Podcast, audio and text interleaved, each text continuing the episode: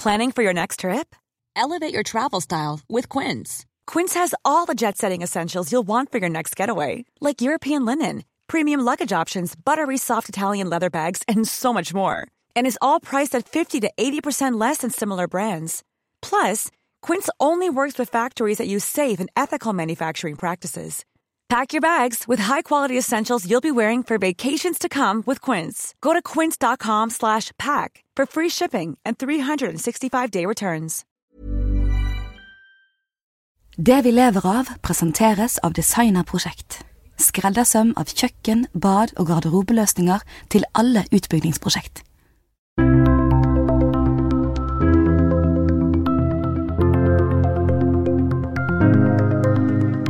I år er det 50 år siden Ekofisk-funnet ble gjort helt sør i Nordsjøen.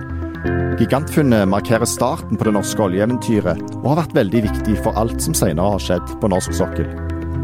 Knapt to år etter funnet, den 9. juni 1971, åpna statsminister Trygve Bratteli Ekofisk-feltet. Denne dagen kan bli en merkedag i vår økonomiske historie. Jeg håper de forventninger som knytter seg til oljeproduksjonen, vil bli innfridd. Da Ekofiskfeltet ble oppdaget for om lag ett og et halvt år siden, åpnet interessante perspektiver for virksomheten både på den norske kontinentalsokkelen og for Nordsjøområdet i det hele. Vi håper at resultatene av prøveproduksjonen vil bli oppfylt.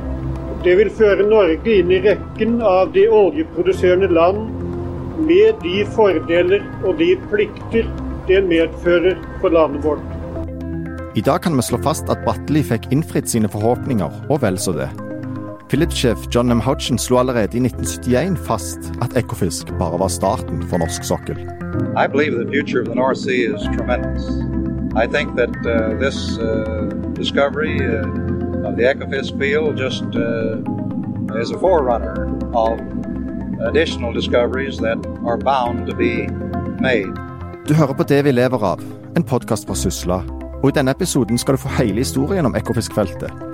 Med meg nå har jeg Stig Kvenseth, som er kommunikasjonsdirektør i ConocoPhillips. Stig har jobba i selskapet i nesten 40 år, og har tidligere skrevet bok om Ekofisk. Jeg har òg med meg Arnt Even Bø, mangeårig oljejournalist og kommentator i Stavanger Aftenblad, som har skrevet flere bøker om bransjen etter at den er med pensjon. Velkommen, Stig og Arnt Even. Takk for det. Takk, ja. I år er det altså 50 år siden gigantfeltet Ekofisk ble funnet helt sør på norsk sokkel. Mange tror jo at det funnet ble gjort lille julaften, men det er, det er ikke helt sant. Stig, kan ikke du ta oss gjennom den høsten 1969 og det som skjedde da Ekofisk ble funnet? Ja, vi, første, ble, Det første brønnen som førte frem til funnet av Ekofisk, ble starta 21.8, allerede i 1969. På grunn av dårlig vær og et brønnspark underveis, så ble den brønnen avbrutt 15.9. Og 18.9. igjen så starta han på det som da ble funnbrønn. 24.10 så var bordet på vei inn i reservoaret. Og da tok en kjerneprøve og så visste at det var eh, oljemetta kalk. Så det har gjort at vi sier at funnet ble gjort i slutten av oktober. Og så eh, fortsatte boringa fremover. Den ble ikke avslutta før eh, frem mot jul, men uvær gjorde at eh, en hadde problemer med å teste. Men det som på en måte ble, ble historia rundt uh, julegaven til norske folk, er at uh, lille julaften så ringte Philips til Industridepartementet og sa at vi tror vi har et stort funn. Mm. Og Det var jo en fin symbolikk, da, som du nevner, med, med julegaven til det norske folk. Ante Even, hvor sto norsk oljevirksomhet da Ekofisk ble funnet?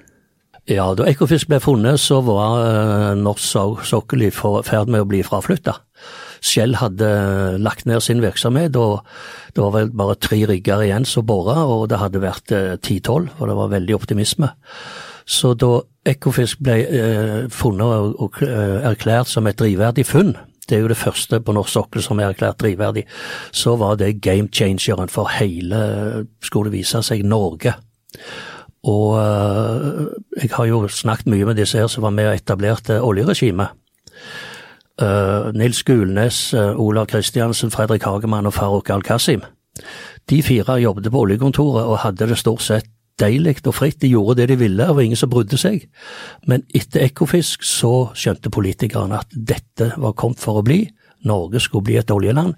Da kom de også skulle bli opplærte, og da tok jo politikerne òg selvfølgelig regi og etablerte det regimet som vi, som vi har nå. Så Philips og Ekofisk eh, starta det norske oljeeventyret, det er det ingen tvil om. Mm. Så kan jeg kanskje tilføye at størrelsen på funnet, eh, det var gigantisk. Og jeg tror at eh, sett i ettertid, med Balder-funnet på et tidligere tidspunkt, og Cod-funn i 1968, så ble Ekofisk en gameskifter av størrelsen. Vi snakker her om rundt 7 milliarder fat olje, og i tillegg 3-4 milliarder fat assosiert gass. Så til sammen så ble det et av verdens største offshorefunn. Og allerede to år senere, i 1971, så starta produksjonen på Ekofisk. Sammenlignet med det vi ser ofte i dag, så var jo det veldig raskt. For eksempel så tok det nå ni år fra Johan Sverdrup ble funnet til produksjonen starta der tidligere i år. Hvorfor gikk det så raskt med Ekofisk, Stig? Det, jeg tror jeg er to forklaringsfaktorer. Det første er at Ekofisk ble funnet i kalksteins reservoar. Vanlige oljefunn på, i sandstein og er mye enklere å produsere, større porositet. Det var store spørsmål rundt kan rett og slett et kalksteinsreservoar produsere? Et oppsprukket kalksteinsreservoar produsere? Fordi en var redd for at når en starta produksjonen, så ville trykkfallet i reservoaret, og det er en annen faktor her, trykket var abnormt stort. Ville rett og slett produksjonen med trykkfallet gjøre at sprekkestrukturen ble pressa sammen, og at en ikke kunne produsere videre. Så det er den ene, og derfor så heter den oppstarten i juni 71 for en testproduksjon. Det andre er at inntektsstrømmen til både Norge og til Philips og Philips-gruppa var velkommen. En så for seg en gigantisk utbygging som krevde store ressurser, derfor var det viktig å få inntekter. Mm. Og så starta den produksjonen sånn helt på skikkelig i 1972, var det ikke sånn? Den kom i april 1974. Så parallelt egentlig med at du hadde en testproduksjon, så viste det seg å bli svært vellykka. Du hadde rundt 10 000 fat per brønn av de fire brønnene som eh, produserte fra Gulf Tide, som var da en sånn oppjekkbar eh, plattform som ble bygd opp med en enkel separasjon, og så produserte den rett i tankbåter. Så hvis det ble dårlig vær, da, så var det stopp. Eh, men en starter da med å bygge ut de permanente installasjonene allerede i begynnelsen av 72, og i løpet av to år så var det på plass. En kunne starte produksjon fra de permanente plattformene i april 1974, fra Ecofis 2 fra Alfa-plattformen. Det som er litt uh, artig oppi dette, Philips og, og Ekofisk var jo først ute. Og vi hadde jo et regelverk, og vi hadde lover, og vi hadde royalty og skatter og sånn, men det var veldig mye som ikke var avklart. Så når produksjonen begynte, så skulle den norske stat ha 10% i royalty. Og så var det ennå ikke avklart i detaljer uh, hvor skulle verdien måles. Philips ville at den skulle måles uh, sånn at de kunne trekke fra separasjons- og utgiftene på plattformen, mens den norske stat ville at den skulle måles uh, uh, bruttoverdien. Og Det var òg et sånn eksempel på at Philips var de som uh, var først ute. Så ble det forhandla en, en, minnelig løsning, da. Og Det som er litt artig, det er at på denne tida så var oljeprisen 1,7 dollar per fat. Det produserte 40 000 fat, og den norske royaltyen var altså 6800 dollar per dag. Og Det var mye penger det for en forholdsvis uh, fattig stat. Så, og så var det penger som kom liksom dalende ned fra himmelen. Det bringer meg egentlig over på dette her med, med noen tall. For uh, ved utgangen av 2018 så var det produsert uh, 6 milliarder fat oljeekvivalenter på Ekofisk-området, som jo består av flere, flere, felt. til sammenligning så regner man jo nå med at det ferske gigantfeltet Johan Sverdrup inneholder mellom 2 og 3 milliarder fat. Og penger så betyr det at Ekofisk-området har skapt verdier for 2500 milliarder kroner. Det tallet er jo så høyt at det, det, er vanskelig å fatte, men det utgjør altså en fjerdedel av hele det norske oljefondets verdi i dag. Stig, hva har Ekofisk betydd for ConocoPhillips? På samme måte som at Ekofisk var en game changer for norsk, norsk oljevirksomhet, så kan du si at Ekofisk var en boost for Philips Petroleum, som da var selskapet som fant feltet. Philips var et lite oljeselskap fra Midtvesten eh, i USA, med hovedkontor i Bartsville, Oklahoma. En liten by på 35 000 innbyggere. det, hadde, det var starta i 1917, men hadde en litt sånn humpete eh, utvikling. Eh, men etter andre verdenskrig så uh, fikk selskapet en liten gjennombrudd med internasjonal virksomhet med produksjon bl.a. i Venezuela. Men fortsatt så var produksjonen svært begrensa. Så Ekofisk-funnet det gjorde at Ekofisk tok steget, at Philips tok steget opp i nærmeste elitedivisjon. Og, og hvordan er posisjonen til Ekofisk i selskapet i dag? Ekofisk er en, et uh, legacy asset, som vi sier, et slags historisk felt som uh, fortsatte å produsere bra, på samme måte som Alaska, hvor ConocoPhillips òg er, er sterk og den største oljeprodusenten. Så uh, Ekofisk og Norge står for en rundt 10-12 av totalproduksjonen av olje i selskapet. Mm. Ant Even, hva har Ekofisk betydd for, for norsk oljebransje, sånn mer overordna? Å ja, det, det, er ganske mye. Men jeg, jeg tenkte bare først uh, å nevne at uh, etter Ekofisk-funnet, det var jo så stort og krevde så mye, så Philips kom seg aldri rundt omkring på norsk sokkel. Andre selskaper gjorde et funn her og der, og så var de med i Norskehavet, og så var de med i Barentshavet, mens Philips er liksom har gjert seg sjøl inn, eller blitt gjerd inn, på, på Ekofisk. Det gjør ikke eh, Ekofisk mindre, eller Philips sine prestasjoner og det de har holdt på med med feltet, men, men eh, alle andre selskaper de bredde seg ut på norsk sokkel, og Philips ble stort sett værende der. Uh, Jeg må, må si da at Ekofisk-området består i dag av åtte, åtte, felt, så på, på en måte så bredde det seg ut, i hvert fall i det området. Ja, det er riktig. En annen artig ting òg er at, eh, at, eh, Philips, eh, det er jo kjent, de var jo i ferd med å gi opp de òg, når de holdt på bare, for de fant ingenting, og selskapet hadde dårlig økonomi. Og så, når de da ville gi opp, så fikk de beskjed om at det står i konsesjonsvilkårene at dere må betale det det vil koste å bore den siste brønnen. De hadde boret fire og hadde én brønn igjen, og den hadde de ikke tenkt å bore egentlig. Og da er det litt artig, for det at eh, når norske myndigheter etablerte konsesjonsvilkårene, så kopierte de britene i, i veldig mye. Men britene sa dere må lære én ting av oss, ikke knytt borebetingelser til penger. Det hadde de gjort i UK, der skulle de bruke så og så mye penger på å bore så og så mye. Det er jo av interesse for myndighetene for å bore opp uh, prospekter så, godt som mulig, og så mange brønner som mulig. Men i UK så forsvant de pengene før uh, myndighetene hadde fått det antall brønner de, de trodde pga. uvær eller forsinkelser eller uhell osv. Så, videre. så Så i Norge så bestemte uh, Jens Evensen at de skulle gå for å forplikte selskapene på et visst antall brønner. Og den første som forplikta sitt eget selskap på fem, fem brønner, det var Philips sin første sjef i Norge, Fred Terry. Og hadde ikke han gjort det, så hadde antagelig eh, kanskje da Philips eh, slutta etter fire. Og det jo ingen tvil om at Ekofisk hadde blitt funnet likevel, men akkurat der og da så var det hans løfte til norske myndigheter som gjorde at denne femte brønnen ble bora den høsten 69. Philips har vært en pioner hele veien, helt tilbake til 1962, hvor eh, tre geologer var på reise i Europa og fant ut at de skulle teste ut Norge, og besøkte Trygve Lie i Oslo i oktober 1962. Eh, det var det som var starten for, eh, egentlig starten for norsk olje Eh, regime. Fordi da fikk du eh, etter hvert loven om at staten hadde, hadde eiendomsrett og overhøyhet på sokkelen. Det som kunne bli sokker, da. For den sokker ble jo først avklart i begynnelsen av 1965. Men vi har, selskapet har vært en frontrunner på mange måter, og en pioner hele veien. Etter Philips hadde kommet til, til, til Trygve Lie, så, så spurte utenriksminister Halvard Lange er det helt sikker på at uh, olja er vår, hvis de finner noe der ute. For uh, eh, NGU, NGO hadde jo sagt at det ikke, ikke er olje på norsk sokkel. Og det sa departementet òg. Men så kom disse amerikanerne fra Bartlesville, Phillips og sa vi vil bore. Og da sendte uh, utenriksministeren saken til stjerne, stjerneårs Jens Evensen. Og så, og så, sa han du, hvis, hvis amerikanerne er så villige og så keen på å bore etter olje, hvis det er noe, kanskje NGU har tatt feil, er det vår olje? Og da satte Jens Evensen ned byråsjef Ofstad og Carl August Fleischer, som konkluderte med at egentlig er ikke det sikkert, vi trenger en ny lov. Og den loven ble vedtatt eh, 22.6.1963, uh, 1963, var det det, Stig? Ja, 64 kanskje. 64 var det, ja. ja. Og hva er NGU for de som kanskje ikke vet det? Altså Norges geologiske undersøkelser de ble spurt av, uh, av norske myndigheter kan det være at det er olje på norsk sokkel.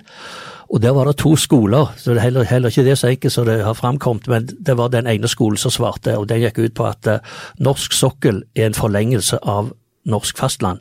Det er bare gråfjell og granitter, ikke olje der. Det svarte de i 1948. Det var derfor det var så overraskende at Philips kom og sa og viste så stor interesse. Og da var, måtte myndighetene liksom tenke seg om. Hekkan, hvis det nå er olje der, så må vi sørge for at den blir vår. Siden 1992 har designer produsert kvalitetsmøbler til kjøkken, bad og garderobe fra vår egen fabrikk. Med over 25 års erfaring forstår vi i Designerprosjekt hva profesjonelle utbyggere ser etter hos en samarbeidspartner.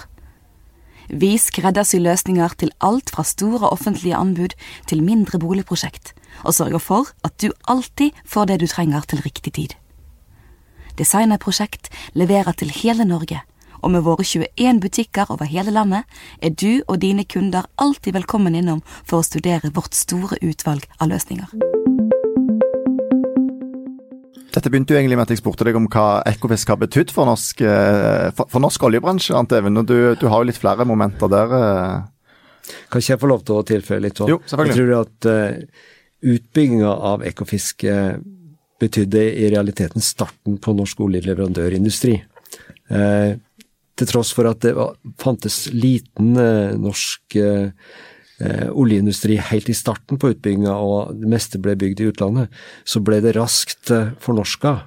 Og Ekofisk, eh, i driften av Ekofisk så kom det mange små bedrifter i, eh, i Stavanger-området som vokste og vokste, og som ble leverandører inn i industrien. Så første ingenieringoppdraget gikk til Kverner, f.eks., som betydde starten på entreprenørvirksomheten der.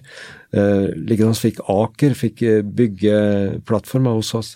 Så Ekofisk var egentlig eh, den som starta norsk leverandørindustri, og sånn sett så var det svært, svært viktig. Ja, det, det, det er helt riktig, og det er òg veldig interessant. For på den tiden, i de første årene, så Eh, sto det klart i alle konsesjonsvilkår at de selskapene som favoriserte Norge og norsk industri, de ville bli prioriterte i tildelingsrundene. Og derfor ble eh, Ocean Viking bygd eh, i Norge. Ja, på Rosenberg og i, i Danmark og satt sammen på Aker Brygge. Ja. Og Ocean Viking er altså den riggen som fant Ekofisk? Den favoriseringen av, av, norsk, den hadde jo ikke vært mulig i dag pga. EU og EØS-avtalen. Men i den første runden så var det fire selskaper som ble favoriserte. Det var Esso. Esso var de ivrigste på å lete og hadde størst tro på norsk sokkel før, før Philips. Det var Esso som hadde raffineri på Slagentangen, og så var det Shell som bygde raffineri i Risavika, og så var det Amoco Noco. Amoco er amerikansk og Noco var norsk. Og så var det eh, Petronor-gruppen, som en fransk, eh, fransk oljeselskap som hadde med seg Hydro. De fire ble prioriterte fordi at de var snille med Norge, for å si det sånn, hadde norske interesser. Når Philips da kom, så skjønte jo de at hvis de da premierte og favoriserte norsk, så ville det komme de til gode i konsesjonsrundene. Og det er litt av bakgrunnen for at uh, norsk uh, leverandørindustri uh, kom opp på det nødvendige nivået veldig fort, fordi at selskapene gjorde det fordi det tjente de, det var myndighetenes politikk. Så sånn starta egentlig norsk leverandørindustri. Litt artig med uh, olje og politikk, da. Etter at uh, Norge sa nei til EU i 1972, så gikk Bratteli-regjeringen av.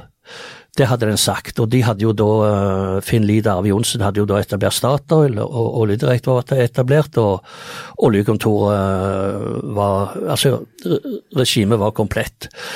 En del av retorikken til nei-bevegelsen var nei til salg av Norge. Og i, i de, blant de ti oljebud så er nummer seks antagelig det viktigste.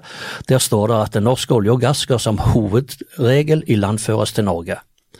Og så kom denne her Nei til EEC-regjeringen og skulle forhandle om hvor skulle olja fra Ekofisk hen. Og de hadde jo argumentert med nei til salg av Norge og, og Norge, Norge, Norge. Og så viste seg det at den norske renna den lå mellom Ekofisk og Norge. Så hvis den skulle, eh, det var ennå ikke teknologi for alle praktiske formål til å ilandføre Ekofisk-oljen til Norge. For det var jo egentlig det uh, det sjette oljebudet sa. Og så kom øh, amerikanske leverandørbransje, Brown and Root, og så sa de norske myndigheter hvis dere venter tre-fire år, så har vi teknologi til å legge det oljerøret dere trenger fra Ekofisk ned på 300 meter i norskerenna og inn til Norge. Og hva gjorde Norge? Det kunne de ikke vente på. De øh, vedtok å sende oljen i rør til Teesside i England. Og det som var spesielt når amerikanerne kom til Norge, så sjokkerte de oss litt, for de sa alltid 'hurry up', og så sa de 'time is money'. Og det syntes nordmennene var litt sånn i overkant kapitalistisk fjolsete. Men så viser det seg da altså at nei til EEC-regjeringen, nei til salg av Norge, sjette oljebud, olja skal til Norge, den valgte å transportere olja til Teesside, og det er jo bare én grunn til det. Time is money. Må bare få legge til at eh, i tillegg til at uh, rørledninga gikk dit, da, så som en del av konsesjonsbetingelsene så ble uh, våtgass levert transportfritt til Bamble i Telemark, og var da starten på uh, petrokjemisk industri der. Nå har jo Ekofisk snart produsert i 50 år, men på begynnelsen av 90-tallet så skjedde det ting som hvor det så ut som at det kunne stoppe tidligere. Hva var det som skjedde da? Ja, altså Philips og Ekofisk de var jo først av alle alltid, så de fikk liksom problemene òg først da. Og det starta jo med innsynkingen. Hva var det for noe? Ja, Det var det at uh, vi som uh, gikk rundt og fulgte litt med dette her, vi lurte på når de tok ut sånne enorme mengder olje og gass av havbunnen, så måtte jo den synke, tenkte vi. Og, og, selv om Philips hadde tatt høyde og dokumentert det i, i, søknaden sin, så var svaret vi fikk som spurte oljefolka som hadde greie på det, at nei, dere har ikke greie på det. Dere vet ikke hvordan det ser ut der nede. Eh, olja ligger mellom eh, strukturer som ikke kommer til å synke i det hele tatt. Og så har jo Stig i hans utmerkede bok om Ekofiskfunnet dokumentert hvordan de skjønte at Ekofisk hadde sunket seks meter omsider, og det var ved hjelp av at øh, ja, stadig mer av tanken. De som sto på, på kanten av Ekofisk-tanken, de kom stadig nærmere sjøen. Så når de fiska, så var det stadig kortere avstand å dra fisken opp på, for å si det kort og populært. Så, så, så der eh, Det var iallfall blant vanlige folk så var det herlig. De sa at de ikke kunne synke, men det gjorde jo det. Og Det neste som jeg vil framheve i, i forbindelse med, med, Philips og Ekofisk, det var jo at de da vedtok å heve hele feltet med seks meter. Så bygde de en beskyttelsesvegg rundt tanken. Og Det var på den tida en teknologisk uh, bragd i særklasse. Det var Philips på sitt aller, aller beste, på tid og budsjett, så vidt jeg husker, og uten et eneste skikkelig uhell. Da tok de altså egentlig en hel by midt i havet og heve den seks meter. Neste skjæringspunkt som jeg vil komme inn på, det var at eh, vedlikeholdet på Ekofisk det var ikke Oljedirektoratet fornøyd med utover på 90-tallet. Og det var en veldig tett dialog, og de mente at de hadde fortalt dette til Philips om igjen og om igjen og om igjen, og var ikke fornøyd med responsen. Så en dag i uh, 92 var det vel, så kalte OD inn til en pressekonferanse. Magne Ogndal var sikkerhetssjef i OD og beskrev eh, tilstandene i ganske byråkratiske ordelag, og konkluderte med at de nå ville sende varsel om pålegg. Og vi som var fra pressen, vi lurte på hva det var, og fikk da ganske klart eh, beskjed etter hvert at det betydde at eh, Ekofisk skulle avskiltes pga. manglende vedlikehold. Da den meldingen gikk ut, så, for, så sank eh, aksjeverdien til Philips med 4,5 milliarder kroner over natta. Og det var fordi at eh, norske myndigheter ikke var fornøyde med sikkerhetsnivået og sikkerhetsarbeidet sånn som det pågikk. Og, og så bare, bare, for å avslutte en, og så førte jo det i sin tid igjen, samme måte som innsynkingen førte til jekking, så førte pålegget om å, å, å avskilte Ekofisk til at de bygde Ekofisk 2. Og det var òg nok en gang Philips på sitt beste, et strålende prosjekt gjennomført på tid og budsjett. Og hva var Ekofisk 2? Ja, da bygde de rett og slett, for å si det enkelt, eh, nye produksjonsanlegg der ute. Og eh, blant annet eh, fortsatt med veldig preferanser av norsk industri.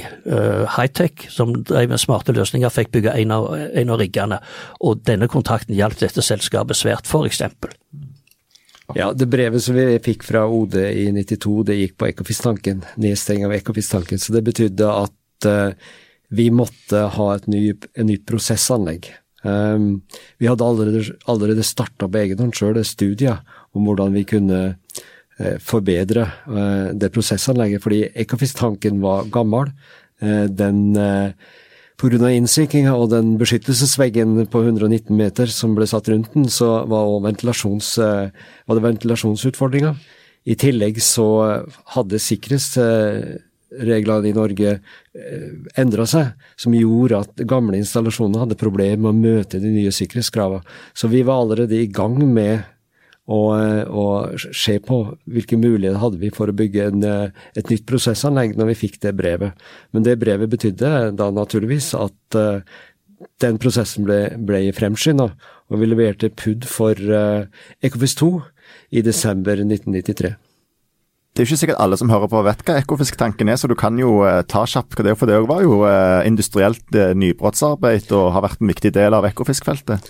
Ja, Ekofisk-tanken er den første betonginstallasjonen brukt i olje- og gassvirksomheten. Så sånn sett så var det starten på Kondip-eventyret i Jåttåvågen. Vi trengte, pga. at vi bøyelasta og det var, var mye stopp i produksjonen pga. dårlig vær, så trengte vi en buffertank for, for produksjonen når det var dårlig vær. Eh, så en bygde en tank for én million, eh, million, fat olje eh, midt i Nordsjøen. Det som var liksom det merkelige, er at etter et års tid så fikk vi rørledning til Teesside. Og dermed så var den overflødig, men det lå der som et stort tomt. Og dermed så bygde en altså et prosessanlegg på toppen som i utgangspunktet skulle dekke de uteliggende feltene i Ekofiskområdet. 350 000 fat eh, for prosessering. I tillegg så det, ble det satt inn en del eh, gass, pumpa pumper for gass, eller turbiner, for å trykke gassen fra Ekofisk til Emden i Tyskland. Mm. Så det var en, en, en, et stort anlegg. Og så litt av utfordringen var at når den ble bygd i Ottavagen og, og taua ut, så var ikke det anlegget på toppen der. Så det ble bygd på plassen der ute. Og Det er ganske mange gode historier om Chinatown annet der ute. For det var, det var mange nasjonaliteter som var med på å bygge det prosessanlegget. Og den eh, betongfundamentet til Ekofisktanken er vel verna, så det, for de som er der ute nå, så ser du jo Ekofisktanken ligger der fortsatt, selv om den ikke lenger er i bruk. Du, Stig, vi kan ikke snakke om Ekofisk-historien uten å nevne Alexander Kielland-ulykken. Eh, for den 27. mars 1980 så mista 123 mennesker livet da boligplattformen Alexander Kielland velta på Ekofisk-feltet. Eh, selv om det snart er 40 år siden den ulykken, så debatteres det jo fortsatt nøyaktig hva som skjedde og hvorfor det ble sånn. og Vi tror ikke vi har tid til å gå inn på det her i dag. Men Stig, kan ikke du si litt om eh, hva har eller hvordan har Kielland-ulykken satt sitt merke på Conoco Phillips og Ekofisk? Jeg tror at vi som jobber i ConocoPhillips har med oss eh, Kielland egentlig hver dag. Eh, det har betydd en enorm sikkerhetsbevissthet. Sjøl så starta jeg i, i, selskapet i slutten av 1981, eh, og jeg følte egentlig at det satt i veggene.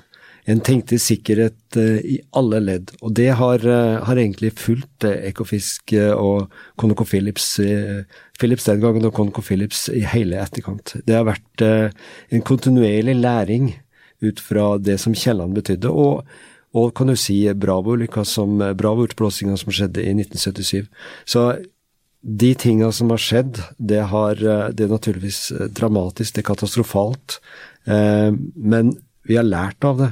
Det har vært en kontinuerlig læringsprosess, og i dag så er sikkerhetsnivået på Ekofisk og ConocoPhillips svært høyt. Men det er ferskvare, vi jobber med det hver dag. Ant Evin, hva betydde Alexander Kielland-ulykken for uh, sikkerhetsarbeidet på, på, norsk sokkel mer generelt?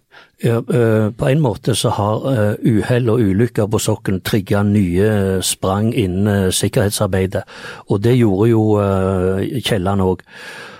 Og det som etter hvert gjorde at norsk offshore sikkerhetsregime ble et mønster for andre, bl.a. for Storbritannia, det var at en utvikla en slags uh, filosofi om internkontroll. Det var ikke sånn at uh, norske inspektører skulle renne rundt på riggene og sjekke at mutterne var skrudd godt nok til, at vinduene i lugarene tålte bølger og, og, og alt det der. Utgangspunktet for alt som ble gjort var at det er operatøren, det er selskapet, som har ansvaret. Og, ved, og dette selskapet må sjøl etablere løsningen på alt det som kan komme til å skje. Og det, det var liksom uh, målet. Det, det, var der det endte, den sikkerhetsgjennomgangen som ble begynt på, på Kielland. Og den har vært uh, ja, veldig effektive. Det har vært en del diskusjoner om den i det siste. F.eks. om Petroleumstilsynet har fulgt uh, tøft nok opp, der de har sett at det ikke har vært øh, fulgt av pålegg og sånn. Men øh, fil filosofien om internfilosofi, det er selskapene som har ansvaret at mutterne holder. Den ble følgen av Kielland, og den har gjort norsk sokkel i i særklasse blant de sikreste arbeidsstedene i hele verden. Det er jo sikrere å jobbe offshore enn det å jobbe på land, f.eks. Vi har snakket mye om fortida i dag, eh, men vi må ta litt om framtida òg helt til slutt. For selv om Ekofisk snart har produsert i 50 år, så er det ikke sånn at feltets levetid går mot slutten. Og Stig, hvordan ser eh, framtidsplanen ut for Ekofisk? Ekofisk har, eh, kan, kom, kommer til å produsere i mange tiår fremover. Det ligger Ekofisk-reservoaret i kalkstein. Det betyr at det tar mye lengre tid å produsere enn i et sandstensreservoar. Og du må jobbe med det kontinuerlig for å opprettholde produksjonen i brønnene. Så eh, med det gigantiske eh, reservoaret som er på Ekofisk, så ser vi for oss at vi kan produsere i mange tiår fremover. Eh, vi i dag ser for oss en utvinningsgrad på vel 50% men det er mobil olje i reservoaret som kan gå opp over 60% så for hver prosent du kan eh, øke utvinningsgraden, så har du et, eh, et middels norsk funn i dag. Så Ekofisk eh, kan produsere i flere tiår fremover. Uten at det, det, er fryktelig vanskelig å si hvor lenge. Det har, det har pris, kostnad osv. som er involvert. Men vi ser for oss at Ekofisk kan produsere frem mot 2050. Mm før vi kom her i dag, så gikk jeg inn og kikket på de siste tallene fra Oljedirektoratet. Og det er jo sånn at uh, Troll, uh, det enorme gassfeltet med ganske mye olje, det er jo det desidert største feltet på norsk sokkel når det gjelder olje og gass. Nummer to er Ekofisk med ø, olje og gass, og nummer tre er Stadfjord. Og Stadfjord er jo snart tomt for olje, fordi at det ligger i sånn et mer normalt reservoar, mens Ekofisk ligger i denne her uh, tannkremen, som de ofte sier det sjøl. Så det er derfor det tar så lang tid å ta ut olja i Ekofisk. Det er mer olje i Ekofisk enn i Statfjord, men ikke så mye. Så det er derfor Ekofisk holder på så lenge. og det jeg sjekket også noe annet. I forhold til gjenværende olje- og gassreserver, så ligger Ekofisk på åttendeplass. Og i forhold til gjenværende oljereserver, som Stig sier, er 1 opp, så blir det mye mer. Men Ekofisk er i dag det fjerde største oljefeltet på norsk sokkel etter 50 år produksjon. Det er bak Johan Sverdrup, det er bak Snorre og det er bak Kastberg. Men det er altså det fortsatt det fjerde største feltet. Så jeg bruker ofte å si litt sånn mer høytidelige sammenhenger at det var Philips og Ekofisk som gjorde Norge til petroleumeksportør men det var Arve Johnsen og Statoil som gjorde Norge til oljenasjon. Jeg tror det var en fin avslutning, jeg, Ant Even, for dagens episode. Da vil jeg bare til slutt takke dere to, Stig og Ant Even, for at dere var med. Allerede i romjula kommer vi tilbake med en ny episode av Det vi lever av. I den episoden skal vi oppsummere 2019 for oljebransjen, havbruk, vindkraft og andre næringer vi følger tett. Henrik Svanvik er produsent, jeg heter Ola Myrseth, og i denne episoden har du hørt lydklipp fra NRKs arkiv. Takk for at du hørte på, og god jul.